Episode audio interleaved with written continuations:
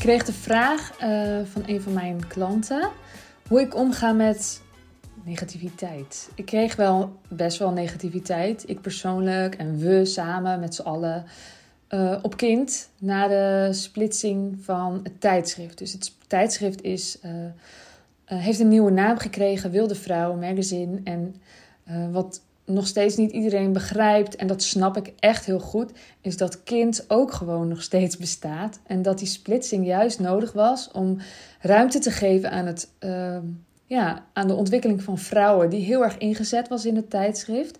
En die naam klopte niet meer. En aan de andere kant heel erg dat ik terug wil naar de basis van kind, waarin het echt voor ouders was, voor vrouwen en mannen. Voor allebei de ouders. Het was heel neutraal de eerste jaren. En ik wil daar gewoon een uh, bredere doelgroep uh, in aanspreken, omdat ik kind dat gun en de mensen dat gun en daarom is het gesplitst. Oké, dat is gewoon eventjes mijn uitleg. Maar hoe ga ik dan om met die negativiteit? En daar wil ik even deze podcast over opnemen, want we krijgen er ofwel allemaal mee te maken, of je houdt jezelf zo veilig en klein dat je, dat je er niet mee te maken gaat krijgen. En ik geloof echt, ja, hoe groter. Um, de groep aan wie je praat of tegen wie je praat, ja, hoe meer je er last van kunt krijgen. En ik ken van mezelf ook wel dat ik mezelf daar soms zo erg voor wil beschermen dat ik, dat ik het klein houd. Ik weet bijvoorbeeld ook dat ik veel meer volgers zou kunnen hebben op mijn account. Als ik het toe zou laten. Maar ik, ik heb er zelf ook geen zin in om uh, vette shit over me heen. Of nee, vette shit is leuk. Maar stomme shit over me heen te krijgen. Dus uh, die kanttekening wil ik wel maken. Dat ik hier echt niet uh, een goeroe in ben of zo. Ik heb hem echt wel gevoeld. Ik heb ook wel gedeeld dat ik, dat ik ziek was erna.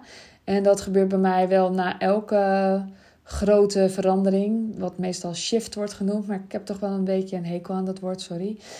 Um, ik denk dat ik over een paar maanden het woord shift ineens ga gebruiken de hele tijd. En dan ga jij mij hierop terugpakken dat ik dit gezegd heb in podcast. Hoe heet dit? Wat, wat nummer is dit? 141 of zo? Oké, dat mag. Maar ik heb nu bij deze gezegd dat ik, uh, ja, dat ik, dat ik soms wen aan woorden. Oké, genoeg daarover. Ik uh, ga in ieder geval vijf dingen zeggen over wat ik dan doe. Hoe ik het doe.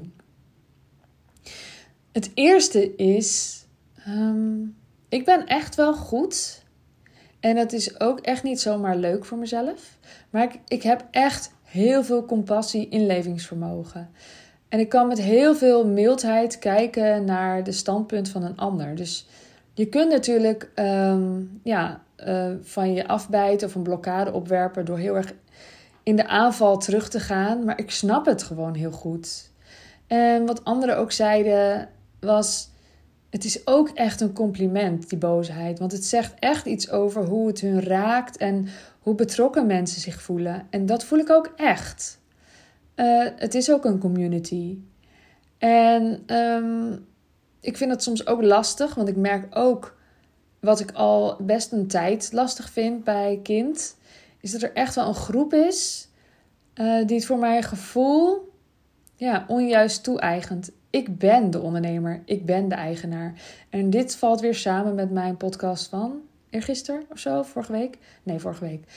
Um, ja, dat heb ik zelf gecreëerd. Ik heb zelf die ruimte gegeven dat het voelde als van ons. Omdat ik zelf die positie als leider nooit gepakt had. Dat heb ik echt twee jaar geleden pas gedaan. Dus dat is na elf jaar. Dat is best laat. Dus ik snap dat echt ook heel goed. Nou ja, snappen dus is punt 1. Ik kan echt met mildheid daarnaar kijken. Um, punt 2. Ik heb het ook opgeschreven, dus ik ga eventjes uh, mijn notities erbij pakken. Um, punt 2. Ik heb een team. Ik heb een team dat me draagt. En niet alleen draagt, maar ook als een soort buffer werkt. Dus ik zie die reacties helemaal niet. En dit heb ik echt al jaren geleden ingevoerd. Toen ik merkte dat ik wel heel veel wilde schrijven. En dat kan ik ook wel goed. Ik kan wel echt mm, mijn visie delen met de wereld. Dat heb ik ook echt te doen. Maar ik merkte gewoon dat ik me ging inhouden door de reacties die we erop kregen. En hoe groter, ja, hoe groter de groep mensen die luistert, hoe meer kans dat er mensen zijn die, die het er niet mee eens zijn. En toen heb ik ook besloten: ik wil die reacties helemaal niet meer zien. En die zie ik dus ook helemaal niet. Ik zit zelf helemaal niet op Facebook bijvoorbeeld. En uh, ook op Instagram kijk ik niet. Volgens mij volg ik Kind Magazine niet eens. Nee, ik volg Kind Magazine niet eens. Grappig toch? Ik heb er echt uh, ja, een beschermingsmuurtje tussen gebouwd. Tussen uh, ja, wat er uitgezonden wordt en wat daarop terugkomt. En ik geloof dat dat heel gezond is. En ik geloof dat je als ondernemer je daar heus wel op mag uitdagen.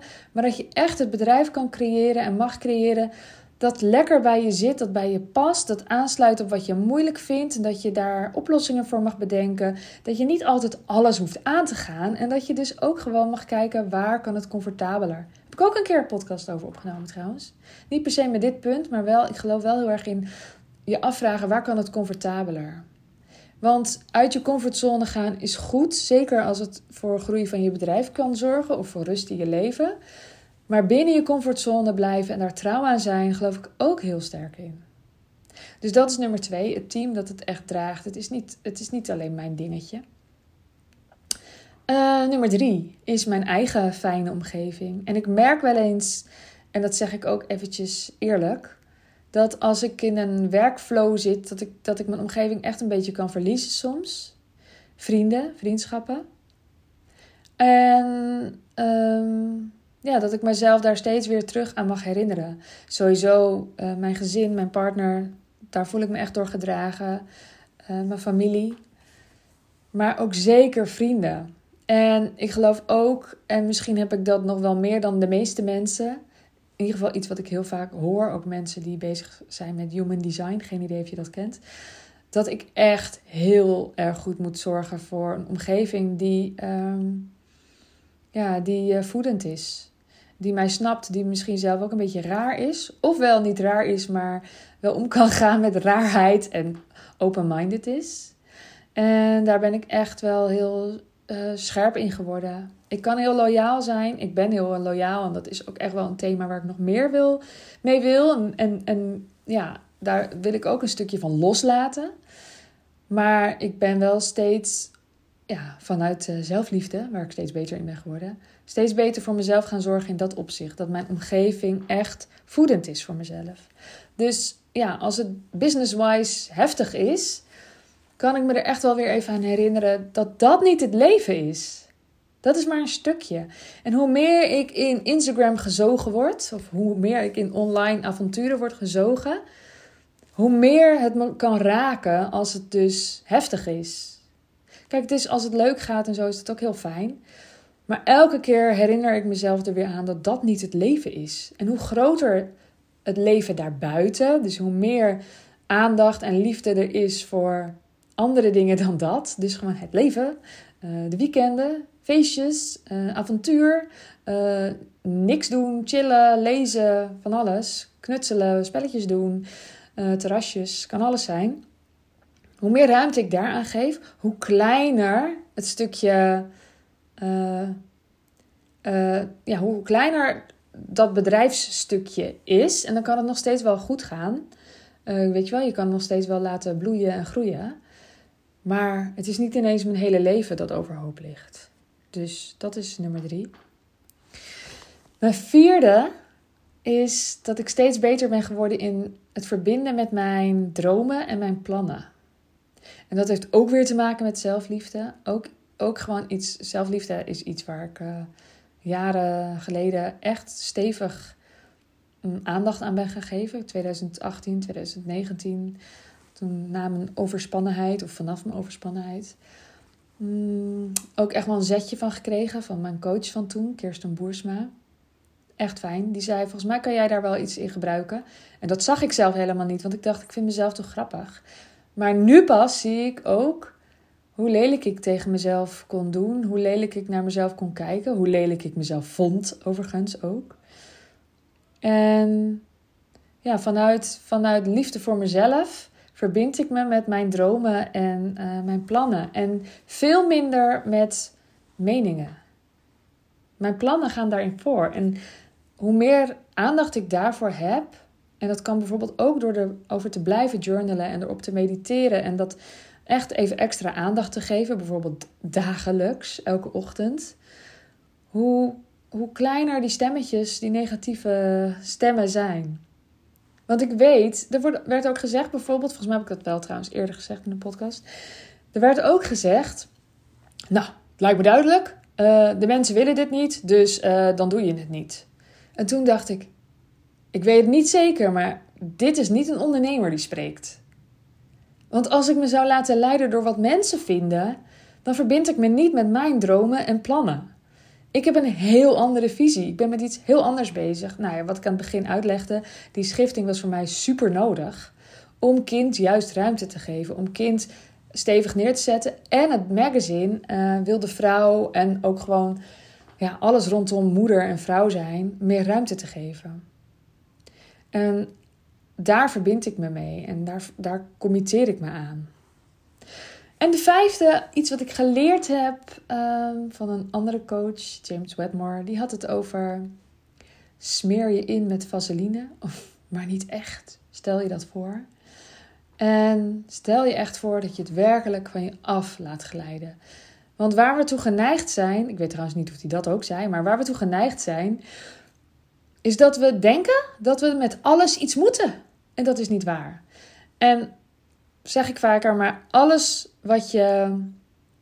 Uh, ja, weet je, je hersenen gaan alleen maar aan de slag met de opdracht die je het geeft. Dus als je de opdracht geeft van, oh, ze vinden wat, wat moet ik hiermee? Dan ga je daar dus mee bezig. Dat is het enige wat je hersenen doen. Die gaan gewoon aan de, aan de gang met de opdracht die je geeft. En het is niet altijd zo dat je er wat mee moet. Je kunt er dus bewust voor kiezen om te zeggen: ik laat het van me afglijden. Ik ben ingesmeerd met vaseline. ik laat het van me afglijden. Nou, dat heeft me ook echt wel geholpen. Nou, dit zijn mijn uh, vijf tips. Zo leuk, een podcast met tips. Doe ik niet zo vaak. Ik geloof ook niet dat daar nou heel erg veel behoefte aan is. Maar um, deze was dus op verzoek. Dus uh, vind ik ook heel leuk om te doen. Heb je ook een verzoekje? Stuur me een pb met je verzoekje. Ik uh, vind dat wel leuk. En misschien doe ik er wat mee.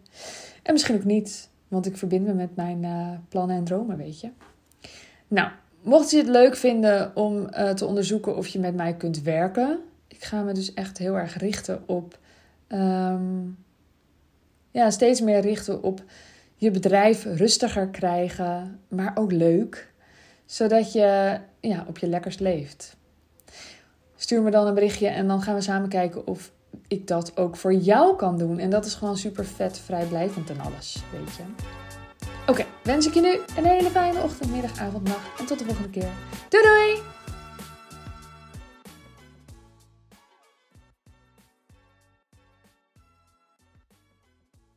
Wil jij bouwen aan 10 keer meer eigenaarschap over je leven? Wil je dat door middel van zelfvoorzienend leven in het kleinste zin van het woord, ondernemerschap en persoonlijk leiderschap? Kom dan bij Community Leven in Vrijheid, waarin een hele groep wilde mensen is die hier ook mee bezig zijn, die dit ook willen en die heel graag met je willen uitwisselen over moestuinieren, over grootse plannen, over hun eigen bedrijf opbouwen, over allerlei aspecten die allemaal samen zorgen voor een, een leven buiten de logge systemen. Ga naar wildemens.nl als je erbij wilt.